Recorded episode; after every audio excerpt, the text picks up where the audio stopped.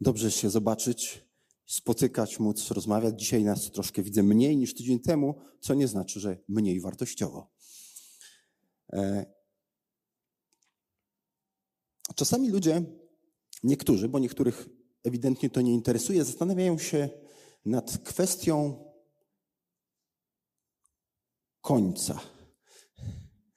Nad kwestią końca tego świata. I mają różne na ten temat opinie. Ci, którzy nie wierzą w życie po śmierci, powiedzą: hmm, No cóż, słońce kiedyś przestanie grzać, e, no i skończy się żywot tej planety. Inni mówią, że może będzie taka czarna dziura, która nas wciągnie. Niektórzy no, widzą jakieś różne teorie spiskowe, jak to się zakończy. Czy w ogóle temat mm,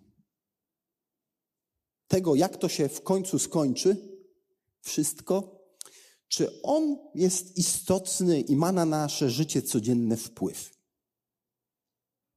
Spójrzmy na wierzących w Tesalonice.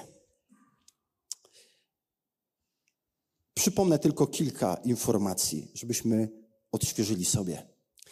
Apostoł Paweł w drugiej podróży misyjnej trafia do Tesaloniki. Jest tam synagoga, też tam głosi, ale głosi też poganom. I oni nawracają się. Co to znaczy nawracają się? Zaczynają wierzyć, że Jezus jest tym zapowiadanym Mesjaszem. A co to znaczy, że Mesjaszem? Tym, który ma uratować ludzi, którzy uwierzą od wiecznego potępienia. Że jest tym, który zmieni tą rzeczywistość. I ci w Tesalonice, którzy uwierzyli, doświadczali przykrości, jakichś ucisków, prześladowań, może wyśmiania przez sąsiadów, może pracodawców, może znajomych. Żyli w takim napięciu, w ciągłym napięciu. I Paweł e, troszczy się o nich, bardzo ich pokochał. Naprawdę takich pokochał nie tylko jako ten, który głosi słowo, ale gdzieś osobiście, w bliskiej relacji z nimi. Bardzo mu zależy na nich. E, wysłał Tymoteusza, bo musiał sam uciekać z Tesaloniki z powodu prześladowań. Wysłał Tymoteusza. Tymoteusz sprawdził, żyją, wierzą, mają się dobrze. Tymoteusz wrócił, opowiedział właśnie o tym Pawłowi i Paweł napisał pierwszy list do Tesaloniczan. I w tym liście bardzo dużo serdeczności jest, takiej wrażliwości, ale porusza trzy elementy, które w innych listach również występują.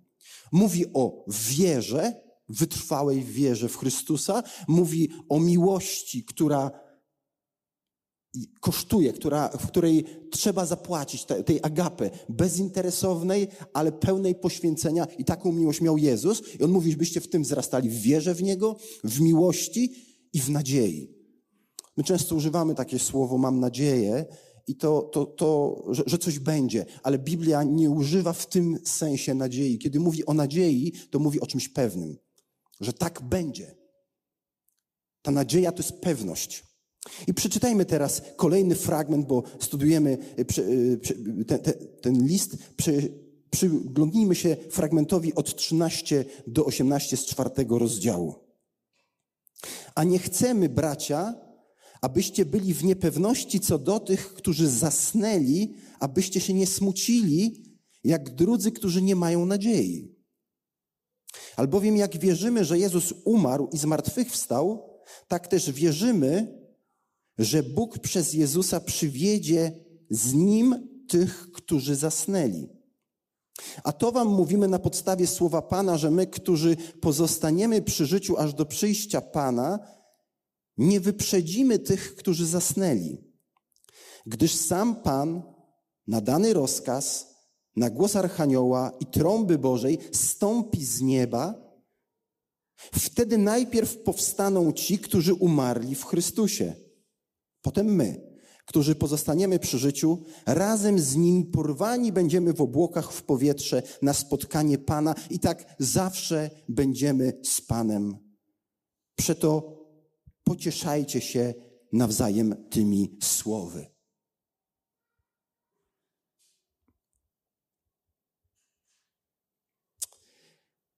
A nie chcemy, bracia, abyście byli w niepewności co do tych, którzy zasnęli, abyście się nie smucili jak drudzy, którzy nie mają nadziei. O czym mówi Paweł, apostoł? O czym on do nich mówi? On odpowiada na ich konkretne, na ich konkretną bardzo potrzebę. Widzimy, że coś wywołuje w nich smutek. Coś, nie mówi teraz o prześladowaniach. Nie mówi o tym, że im jest źle na tym świecie.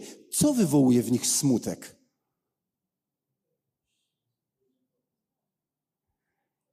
Niepewność. Brak pewności. Co do kogo? Co do wierzących, którzy umarli. Ale dlaczego to wywołuje w nich smutek? Bo mieli taki pogląd, taki gdzieś im się zrodził, że kiedy powróci Jezus, a oni będą żywi, to co z tymi, którzy umarli? Bo ci, których Jezus spotka za życia, którzy jeszcze nie umarli, bo zasnęli to jest taki synonim, obraz tego, tych, którzy fizycznie umarli, to co się stanie z moim bliskim bratem czy siostrą w Chrystusie, moją żoną czy mężem w Chrystusie, moim dzieckiem, dziadkiem, którzy zmarli, Chrystus powróci, ja żyję i On weźmie mnie, a co z nimi? I oni mieli z tym problem. Smucili się, że, że tamci tego jakoś nie doświadczą. Tak to są, tak rozumieli. Paweł ich nie gani za to. Paweł prostuje ich myślenie. W niepewności, w niewiedzy, nieświadomi. Otóż ten fragment jest idealnym do tego, by zastanowić się nad tym, w co ja wierzę na temat końca, bo to, w co wierzę, jeśli mam źle ułożone, mam złą, poukładaną wiedzę biblijną na ten temat, będzie miało wpływ na Twoje codzienne życie. U nich wywołało smutek. Pytanie, co może wywołać też we mnie i w Tobie. Jeśli ktoś zakłada firmę i ma dobre motywacje, ale ma złą wiedzę, może to doprowadzić do tego, że straci zainwestowane pieniądze, co więcej, może stracić w ten sposób, że będzie miał jeszcze długi do spłacenia. Chociaż ma dobre motywacje, ale nie ma właściwej wiedzy. Oczywiście nie każda upadła firma jest z powodu tylko wiedzy, ale bywa też, że ktoś się na czymś nie zna, ale ma dobre motywacje. Co z tego? Przyniesie to konsekwencje. Na przykład, kiedy czytamy za czasów życia Jezusa, kiedy On się pojawił, dlaczego w Niego nie wierzyli jako Mesjasza lub jakie mieli o Nim wyobrażenie? Z czym mieli problem? Bo wyobrażali sobie na podstawie pism, że Mesjasz przyjdzie i zmieni tą rzeczywistość. Rzymianie zostaną pokonani, Izraelici będą ludem Bożym, będą tylko oni. I ciężko im było zrozumieć, bo nie rozumieli. Jezus często mówi, czemu wy tego nie rozumiecie? Że Jezus był też cierpiącym sługą Pana. Był zapowiadanym cierpiącym sługą i nie mogli zrozumieć i dlatego ciągle im to nie pasowało. Dlatego się załamali, kiedy Jezus umarł na krzyżu. Oni wątpili. Co więcej, po zmartwychwstaniu, na początku dziejów apostolskich, o co oni pytają Jezusa? Tuż przed Jego w niebo wstąpieniem. Pytają Go, czy teraz przywrócisz znów to królestwo? A Jezus mi odpowiedział, nie wasza to rzecz znać ten czas. Widzicie, oni mieli tak ustawione wierzenie i w ten sposób postrzegali codzienność i rzeczywistość. To nie było właściwe i prowadziło do niewłaściwych konsekwencji. Dlaczego się smucili? Bo mieli niewłaściwe poznanie. Więc dzisiaj chciałbym zachęcić nas, Poznawaj Boży plan, by żyć teraz bez dodatkowego cierpienia. Po co sobie dorzucać cierpienie? Poznawaj Boży plan, by żyć teraz bez dodatkowego cierpienia. I poznawaj Boży plan, by żyć teraz możliwą pełnią życia, jaka jest możliwa w tych, w tym świecie. Poznawaj Boży plan, poznawaj, co Bóg zaplanował. Eschatologia. Co to jest eschatologia? Takie trudne słowo, lub może dla niektórych nie trudne. Co to jest eschatologia? Ktoś wie? To jest część nauki, doktryny dotyczącej tego, co stanie się z ziemią, co stanie się z człowiekiem w różnych religiach. Niektórzy wierzą w reinkarnację, a ci, którzy nie wierzą, mówią, nie, to się skończy ten świat i tyle. Jakie jest przeznaczenie ludzkości, człowieka? To jest eschatologia. I właśnie ta eschatologia jest nam potrzebna. Ona się różni, nasza, od innych religii, nawet od judaizmu, który oczekuje innego Mesjasza, który już przyszedł, nie Jezusa. Chrześcijanie mają swoją eschatologię, swoje wyobrażenie, swoje zrozumienie przyszłości. Jak to wpływa na nasze codzienne życie? Spróbuję Wam pokazać krótki schemat, żebyśmy rozumieli i przejdziemy do konkretów oczywiście. Pan Bóg na początku stworzył świat piękny, doskonały, cudowny. Nazywamy go rajem, Edenem. A potem nastąpił upadek, grzech. I świat został przeklęty. I ta kreska pomiędzy to jest właśnie historia świata. I gdzieś w którymś miejscu przyszedł Jezus. Ale ta historia świata dalej biegnie, bo wiemy, że nastąpi koniec wtedy, kiedy przyjdzie Jezus powtórnie i nastanie nowa ziemia i nowe niebo. Gdzie my jesteśmy? A no my jesteśmy pomiędzy tym, jak przyszedł Jezus, i pomiędzy tym, kiedy nastąpi nowa ziemia i nowe niebo. To jest bardzo ważne, byśmy to rozumieli. W którym miejscu historii według Bożego planu my żyjemy?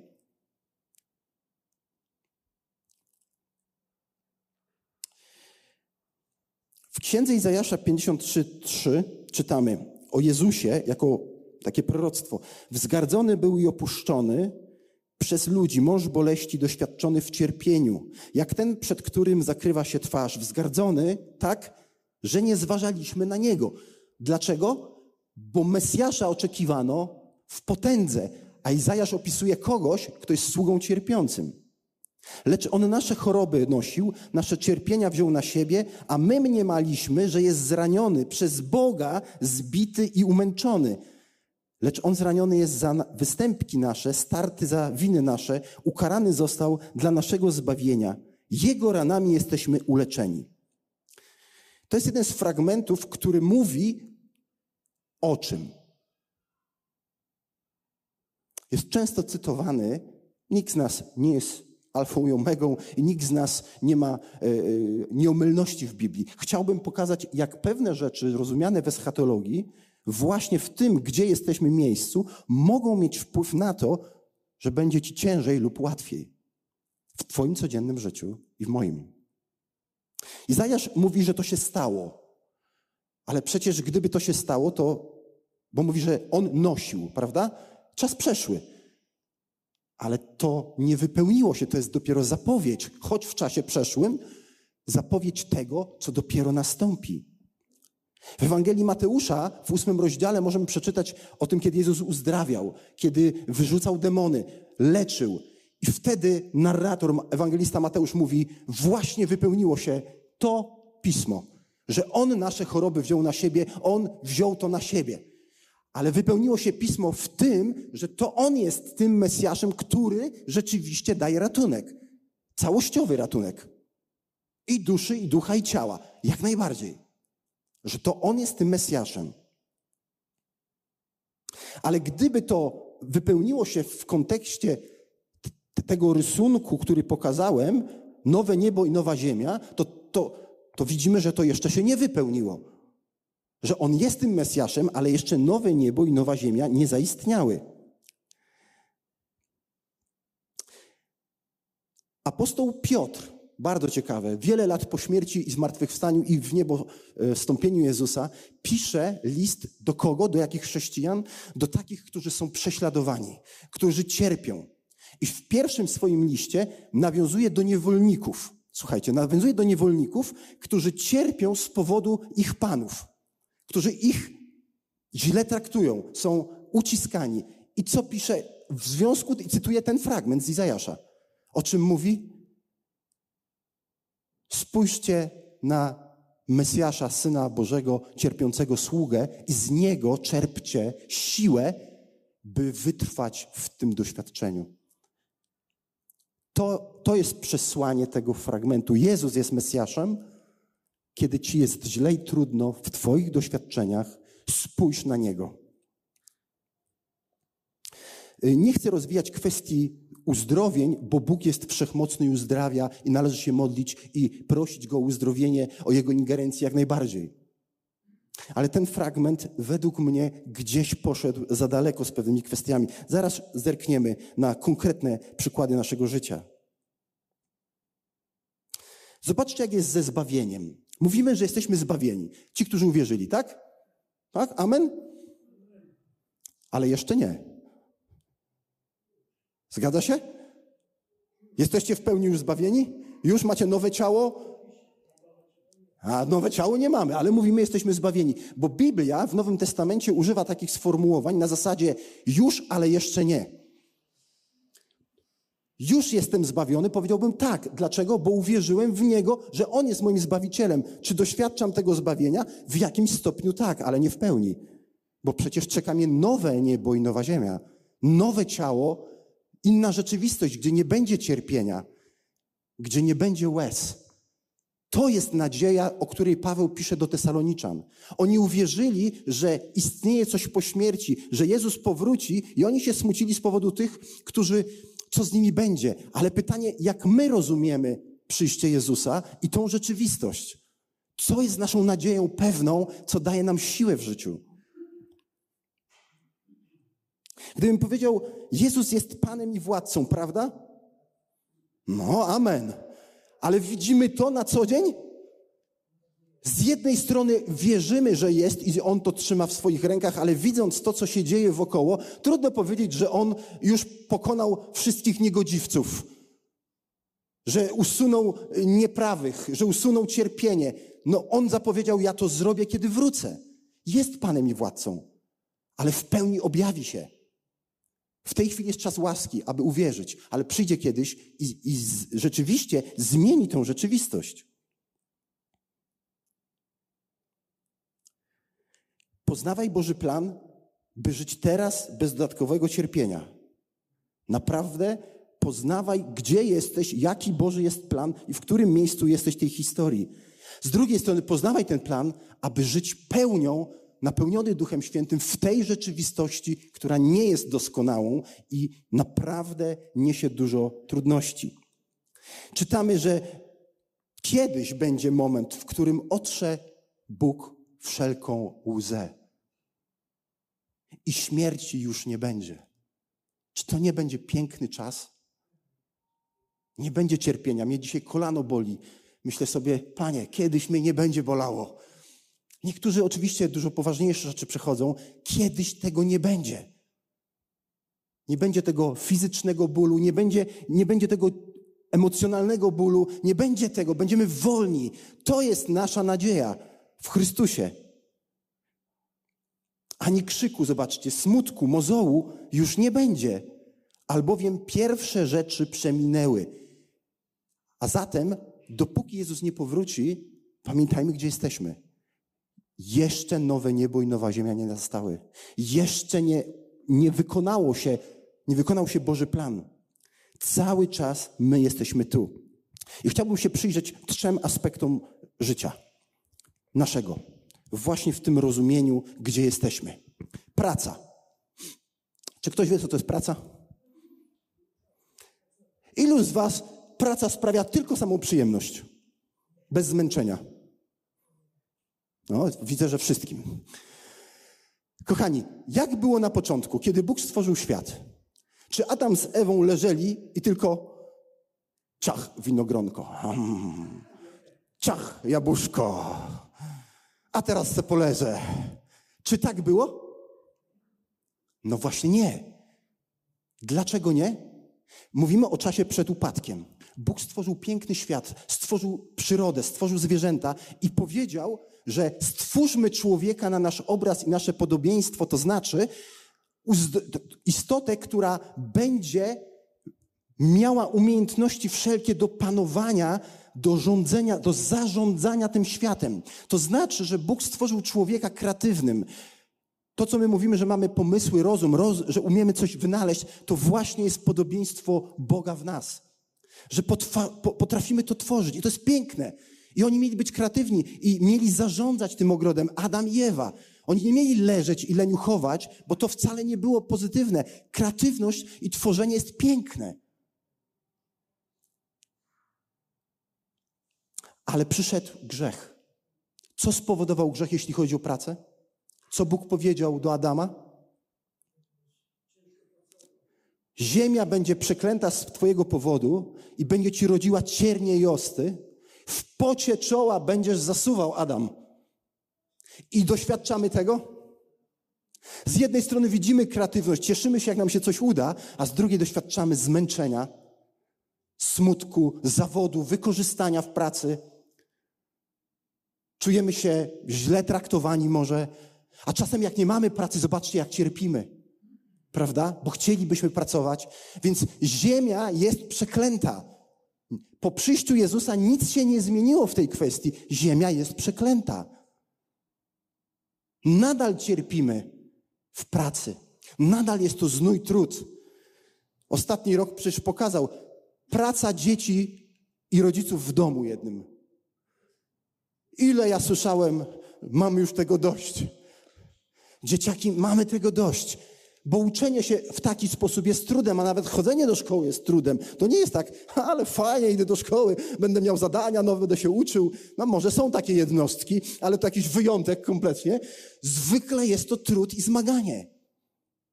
Chcesz zdać prawo jazdy, musisz wkuwać. I teraz tak, pierwszy raz nie zdasz, drugi, czwarty, piąty, ale dalej mozuł i trzeba płacić, nie? Jest to trud. Tak, w takiej rzeczywistości żyjemy. To nie jest rzeczywistość nowego nieba i nowej ziemi. Żyjemy w rzeczywistości przeklętej ziemi, w której Bóg w swojej łaskawości i tak nam błogosławi i pozwala korzystać z tego, i żebyśmy byli tymi, którzy coś tworzą, działają. Do czego może prowadzić. A, jeszcze tak, nowe niebo i nowa ziemia. Co o tym czytamy o pracy w nowym niebie i nowej ziemi? To jest ciekawe, nazwany szabat odpoczynek nie znaczy, że nic nie będziemy robić, ale że tam będzie pełen odpoczynek, nie będzie trudu i znoju. Nie będzie tego, co my myślimy, kiedy włącza nam się kwestia pracy. Nie będziemy zniechęceni, smutni, nie będziemy przygnębieni. Tam nie będziemy doświadczać takich rzeczy. Jak może być zła teologia wpływać i dodawać ci cierpienia dzisiaj, jeśli chodzi o pracę? Że jeśli uznasz, że Bóg jest władcą, a są takie poglądy, i to jest, no, ten pogląd jest prawdziwy, że jest władcą. Ale że ja jestem jego dzieckiem, czyli kim jestem? Jeżeli on jest królem, to jakim jestem? Księciem, a ty księżniczką. W związku z tym, to ty masz panować nad tym światem. Tobie ma być z górki.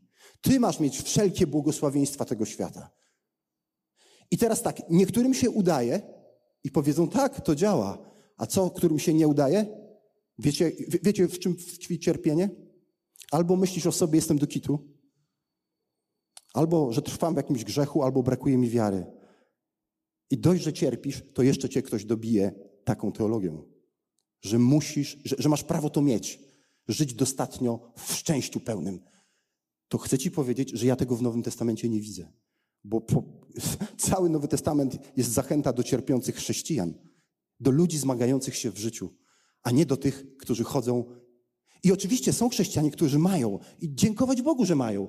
To nie znaczy, że oni są złymi chrześcijanami, ale to nie jest teologia nowej niebie, spełnionej nowej, nowego nieba i nowej ziemi. Żyjemy w czasach, w których praca niestety cały czas jest przeklętą. Jezus tego nie zmienił swoim przyjściem. On daje nam nadzieję, siłę w pracy. On daje nam przykład, on daje Ducha Świętego i mówi: Nie opuszczę cię, ja cię będę prowadził przez ten niestety przeklęty świat, ja cię będę wzmacniał. Tak, to obiecuję. Ale nie, że nie będziemy tego doświadczać trudu, zmagania, jeśli chodzi o pracę. Jeśli chodzi o rodzinę, społeczeństwo, kościół, o relacje, jak było przed upadkiem? Adam z Ewą, z narzeczonymi, robimy zawsze ten fragment z Agniesią. Adam z Ewą przed upadkiem czytamy, że byli nadzy. I po co jest ten tekst, że się nie wstydzili?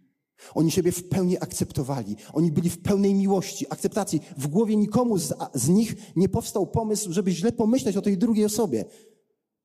Ideał. Co stało się po upadku? Ledwo zgrzeszyli. Co zrobili?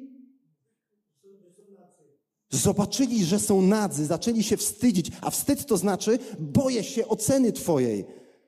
Już Ci nie ufam. Już powstał dystans. I co się stało? Opletli się, prawda? Zakryli się. Oczywiście ten wstyd i bojaźń pojawiła się też w stosunku do Boga. Czyli co w relacjach się stało po grzechu? W jakim świecie żyjemy? Wypaczonym. Wypaczonym. Pojawił się strach, niepewność, pojawiła się nienawiść, wyzysk, pojawiło się brak szacunku, zrozumienia. Wiecie co? Wszyscy w tym grzeszymy. Jesteśmy z natury grzesznej, jesteśmy egoistami. Na wyjeździe miałem taki przykład z Agniesią, moją kochaną, rano w niedzielę, e, kiedy byłem na urlopie. Chciałem zaplanować popołudnie, wiecie, żeby nam było dobrze, nie? Tak raz, dwa, trzy, mówię, Agniesia, co zrobimy? A to było przed nabożeństwem. Agniesia mówi, nie teraz, nie, nie, no, nie. Już byłem wkurzony, nie? Już, już byłem wkurzony. I poszedłem do łazienki i zadałem sobie pytanie, dlaczego mnie to boli? I wiecie dlaczego? dziękuję Bogu za w tym momencie natychmiastową odpowiedź, która się we mnie pojawiła w moim rozumieniu. Oczywiście nie Bóg do mnie nie przemówił z zewnątrz, tylko wiecie co sobie pomyślałem? Że ukochałem swój komfort. Bo czułem się komfortowo, wiedząc, jak będzie popołudnie już wyglądało. I ten komfort był ważniejszy od mojej żony i przeprosiłem ją za to. I widzę, jak jesteśmy egoistyczni, jak bardziej myślimy o sobie. Przypatrzcie się, przypatrzcie się sobie kochani w życiu, żyjemy i jesteśmy zbawieni, jeśli uwierzyliśmy, a nadal się borykamy z tym egoizmem, z tym nastawieniem do drugiego w relacji małżeńskiej, rodzinie. Czy dzieci, dlaczego Biblia mówi, że dzieci mają szanować, y, być posłuszne rodzicom? Po co to mówi? Gdyby były posłuszne, nikt by tego nie mówiła. Dlaczego mówi o miłości męża do żony, a żony do męża szacunku? Dlaczego mówi o kościele, jedni drugich uważajcie za wyżej stojących od siebie? Dlaczego? Bo mamy tendencję, to ja, ja tu jestem najważniejszy. Cały list pierwszy do Koryntian. Kościół pięknie obdarzony darami, a tak normalnie jest zniszczony postawą, że aż po prostu aż kuje w oczy. Zobaczcie, co zrobił grzech. Wybuduje mur, dystans. Poczułem się zraniony ile razy z moją agonią. Poczułem się zraniony i to, to jakby nie mam ochoty rozmawiać. Znacie to? Doświadczenie i łaska Boża uczy nas, nie rób, nie idź za tym oczywiście, ale tak jest. To jest rzeczywistość, w której żyjemy. Jezus jej nie zmienił. Ale co zmienił Jezus? Zobaczcie, On przyszedł z nieba z, w idealnej relacji z Ojcem. Postanowił przyjść ze względu na miłość i jedność z Ojcem. Przyszedł na ten świat, stał się człowiekiem pozwoliłby być sługą, niewolnikiem, a nie tym, któremu służono. Jezus nie daje nam przykładu króla i teraz niech wam wszyscy służą. On był tym, który mówi odwrotnie. Wy macie sobie służyć. Chcesz być wielki? To służ. I przyszedł i oddał życie. I wiemy, i będę to powtarzał, bo to jest ważna prawda. Na krzyżu największym cierpieniem nie była śmierć krzyżowa, fizyczna, tylko to zerwana w jakiś sposób, od, jakieś oddzielenie od Ojca. To było cierpienie które Jezus postanowił ponieść, by nas wciągnąć do relacji ze sobą. On nas tak ukochał. I mówi, i teraz czerp z tej miłości i kochaj innych. Myśl tak, jak ja myślę. Kiedy się to skończy? Kiedy się to skończy, te nasze zmaganie z naszym egoizmem, niedoskonałością, zawodzeniem? Kiedy? Kiedy przyjdzie Jezus powtórnie. To jest nasza nadzieja. Ja nie wiem, czy, wy, czy ty się cieszysz. Ja już chciałbym tam być i mieć z głowy ten cały bagaż swoich, swoich grzeszków, swojego egoizmu. Ja już, Panie Jezu, mówię, chciałbym być wolnym od tego, ale tu będę się cały czas zmagał. Ale dziękuję za Ducha Świętego, który wspiera, za Boże Słowo, za braci, których Bóg daje, siostry. Oczywiście mamy wsparcie i jesteśmy w procesie przemiany. Bóg nas zmienia. Kiedy skończy tą zmianę? Kiedy przyjdzie, albo kiedy umrzemy i nas zabierze stąd. Ale wtedy rodzi się pytanie, to po co się zmagać, po co się tak zmieniać? Prawda? Zobaczcie, jak eschatologia wpływa na, na codzienność. To po co się zmieniać, skoro ja ciągle teraz się zmieniam i muszę się zmagać? Jak kiedyś będę już doskonały. Wiecie po co? Nie dlatego, żeby się podobać Bogu. Wiesz o tym? Że nie masz się zmieniać dlatego, żeby się podobać Bogu. Nigdy mu się nie spodobasz swoim postępowaniem, jeśli myślisz, że go zachwycisz czymś. Przepraszam za ostre słowa, ale tak jest, bo Jezus nie umarł za tych, którzy mu się podobają.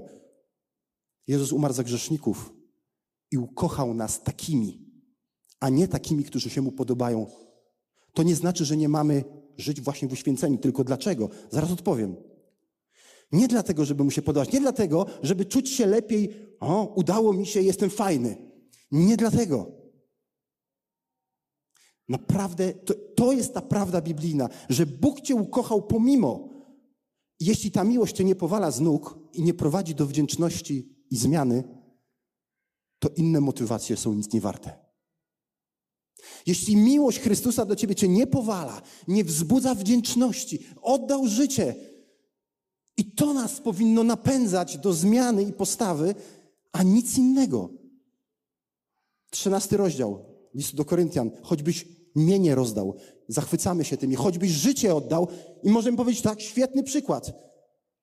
Ale jeśli nie masz miłości, ha, agapę miłości, nie dobrych emocji, miłości, która jest pełna poświęcenia, bezwarunkowa, nie stawiasz warunków.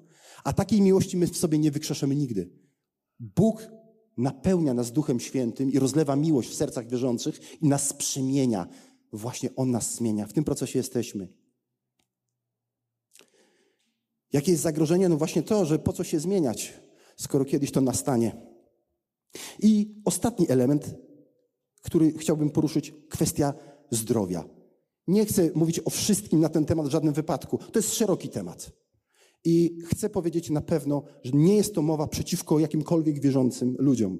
Ja wsłuchuję się i patrzę na tych, którzy myślą trochę inaczej niż ja i, i, nauczają tego. I chcę, chcę, chcę się uczyć, zastanawiać. To nie jest przeciwko komuś, ale chcę się podzielić też tym, co wydaje mi się, że jest błędem w moim rozumieniu. Jak było w raju ze zdrowiem? zdrowi byli. Zdrowi byli. Czyli co to znaczy, że byli zdrowi? Nie bolały ich zęby, nie wypadały im zęby, włosy im ciekawe, czy wypadały, nie wiem, ale nie cierpieli, nie starzeli się. W sensie ciało, że ich nie stawało się coraz bardziej zmierzające do śmierci, bo tego nie było. Byli w pełni zdrowia. Co stało się, kiedy. Co, co Bóg powiedział? Jeśli zerwiecie, umrzecie, tak? I oczywiście widzimy, że śmierć duchowa nastąpiła, ale też życie człowieka automatycznie się skończyło. Bóg wygonił właśnie pytanie, czy wygonił ich z raju, bo my często myślimy, że ich wygonił. A może zrobił coś dobrego dla nich? Jak czytamy w, w Księdze Rodzaju? Wygonił ich, czy uczynił coś dobrego po grzechu, żeby tam nie byli? Kto z was pamięta? To była troska czy kara? troska. Powiedział Bóg, muszę ich zabrać, bo gdyby zerwali z owoca, z, z drzewa owocu życia, to to by się dla nich źle skończyło, czyli byliby w wiecznym potępieniu. Bóg zatroszczył się. Oni zgrzeszyli, ale zatroszczył się i już zapowiedział, że przyjdzie ktoś, kto was uratuje i wprowadzi do jeszcze innej rzeczywistości. My nie wracamy do raju. My idziemy do innej rzeczywistości, nowego nieba, nowej ziemi. Ale rzeczywiście pojawiły się choroby, pojawiły się cierpienie. I to psychiczne, powiemy, i to fizyczne, i umieramy. No tak jest. Czy przyjście Jezusa zmieniło coś w tym temacie? Czy ludzie już nie umierają? Umierają. Czy cierpią? Fizycznie cierpią. Doświadczamy tego samego. Oczywiście, oczywiście, że tak. I wierzymy, że Bóg uzdrawia i mamy się do Niego modlić o Jego wpływ na nas, żeby się zmiłował, bo jest Bogiem miłosiernym i czasami, czy często, nie wiem, bo nie mam statystyk, rzeczywiście uzdrawia rzeczywiście uzdrawia. Bóg uzdrawia, ale to nie jest rzeczywistość nowego nieba i nowej ziemi. Nadal żyjemy w świecie, który jest przeklęty. Nadal umieramy i cierpimy. Tak jak modlimy się z pracą, tak jak mamy słabe i niestety często poranione e, relacje, w których musimy i właściwie jest przeprosić, e, pojednać się, bo do tego nas zachęca Bóg, tak samo jest ze zdrowiem. Jeśli myślę, że Bóg ma dla mnie na 100% zdrowie tu i teraz i że nie chcę w ogóle, um, że kwestią tylko tego, żebym był zdrowy, jest moja wiara lub porzucenie grzechów, to moje pytanie jest, to jest bolesne pytanie i słyszę je coraz częściej. Wczoraj rozmawiałem z jednym z braci, który, który ma gdzieś tam rodzinę. Jak zareagowali na sformułowanie, że jest Bóg dobry, to od razu zapytali, a co z dziećmi chorymi na, na raka, w onkologii. Niedawno słyszałem jakiegoś profesora, który mówi, że coraz więcej dzieci choruje. I więc moje pytanie jest, jeśli tylko mój grzech i moja niewiara to powoduje, to pomyślcie sobie o rodzicach, co oni mają zrobić, kiedy ich dziecko umrze że moja niewiara lub mój grzech to spowodowały. Dość, że cierpią, to myśląc o tym, że już ta rzeczywistość nowego nieba i nowej ziemi jest nam dostępna i nie muszę w ogóle chorować ani moje dzieci, to jeśli zachorują i coś im się stanie, to jakiego rodzaju winę ponoszą w sobie. I tacy ludzie chodzą. I nie z jedną osobą może nie takiego kalibru, miałem okazję rozmawiać i słuchać o ludziach, którzy tracili wiarę, bo mówili przecież Bóg to obiecał. Gdzie Bóg to obiecał? W nowym niebie i nowej ziemi. Teraz oczywiście obiecał, módl się, proś, może zaingeruje, może uzdrowi i ma wszechmoc. To jest dobry ojciec, ale też żyjemy w takiej rzeczywistości pomiędzy upadkiem pojawił się Jezus i my żyjemy, czekamy nowej nie, nowego nieba i nowej ziemi. Znacie Nika Wójcicia, który urodził się bez rąk i nóg? Co on chciał zrobić no, jak, jako młody chłopiec? Zabić się. Nie zgadzał się z tą rzeczywistością. A co robi teraz? I Bóg nie sprawił, że mu wyrosły nogi i ręce. I nie znaczy, że nie jest dobry. Choć ten chłopiec przeżył masakryczne i jego rodzice na pewno to było trudne. Nawet ja sobie nie wyobrażam tego. Ale on rozpoznał z łaski Bożej to, w jakim rzeczywistości żyje i przestał się skupiać na tym, a zaczął się skupiać na Bogu. Y, czytałem o mamie Billiego Grahama, która była bardzo prostą kobietą, która codziennie studiowała Biblię, uczyła się na pamięć, a kiedy zachorowała, to mówiła: Bóg mnie trzyma, by się modlić o wierzących. I czytałem, jak umierała w tej książce Billiego e, Grahama e, Śmierć i co dalej. Jest opisana jej historia. Czytając ją, myślałem sobie: Boże, jakie piękne, jakie piękne, jaka piękna jej postawa. Na czym była skupiona nie na sobie, na Bogu. A zatem ta teologia, że już się wypełniły pewne rzeczy i masz tylko dostęp i wiesz tylko i weź, ja myślę, że czasami jest prawdą rzeczywiście, że nie mamy wiary. Zgodzę się. Czasami jest prawdą, że grzeszymy i z powodu grzechów coś nam się dzieje. Jasne. Dlatego to, to nie jest pełen obraz na temat zdrowia i uzdrowienia. To ja nie, nie wszystkim mówię, ale mówię tylko o tym aspekcie, by się pilnować, w którym miejscu żyjemy. Póki Jezus nie wróci, w którym miejscu żyjemy. A zatem poznawaj Boży plan, by żyć teraz bez dodatkowego cierpienia. Po co sobie go dodawać? Tak jak te saloniczanie. Oni chodzili smutni, martwili się. A Paweł mówi: Nie martwcie się, nie martwcie się. I kończy ten fragment: Pocieszajcie się tymi słowy, że Jezus przyjdzie i wszyscy razem będziemy. Pocieszajcie się tymi słowy. Praca przestanie być nużąca i męcząca. Pocieszajcie się tymi słowy, że relacje będą idealne. Pocieszajmy się tymi słowy, że nie będzie cierpienia łez, nie będzie chorób, nie będzie śmierci i szatan zostanie w pełni zamknięty bez działania. To będzie piękna, piękny czas. Żyj nadzieją w cierpieniu.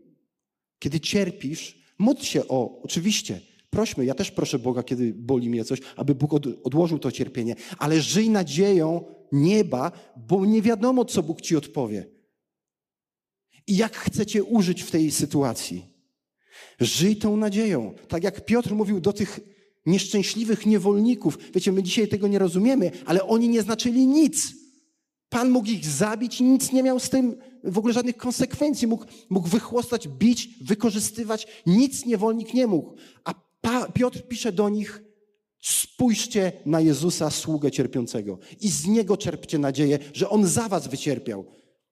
On nie mówi, że znikną te cierpienia. Tu. Mówi kiedyś tak. I tą nadzieją żyj. Oczekuj przyjścia Jego.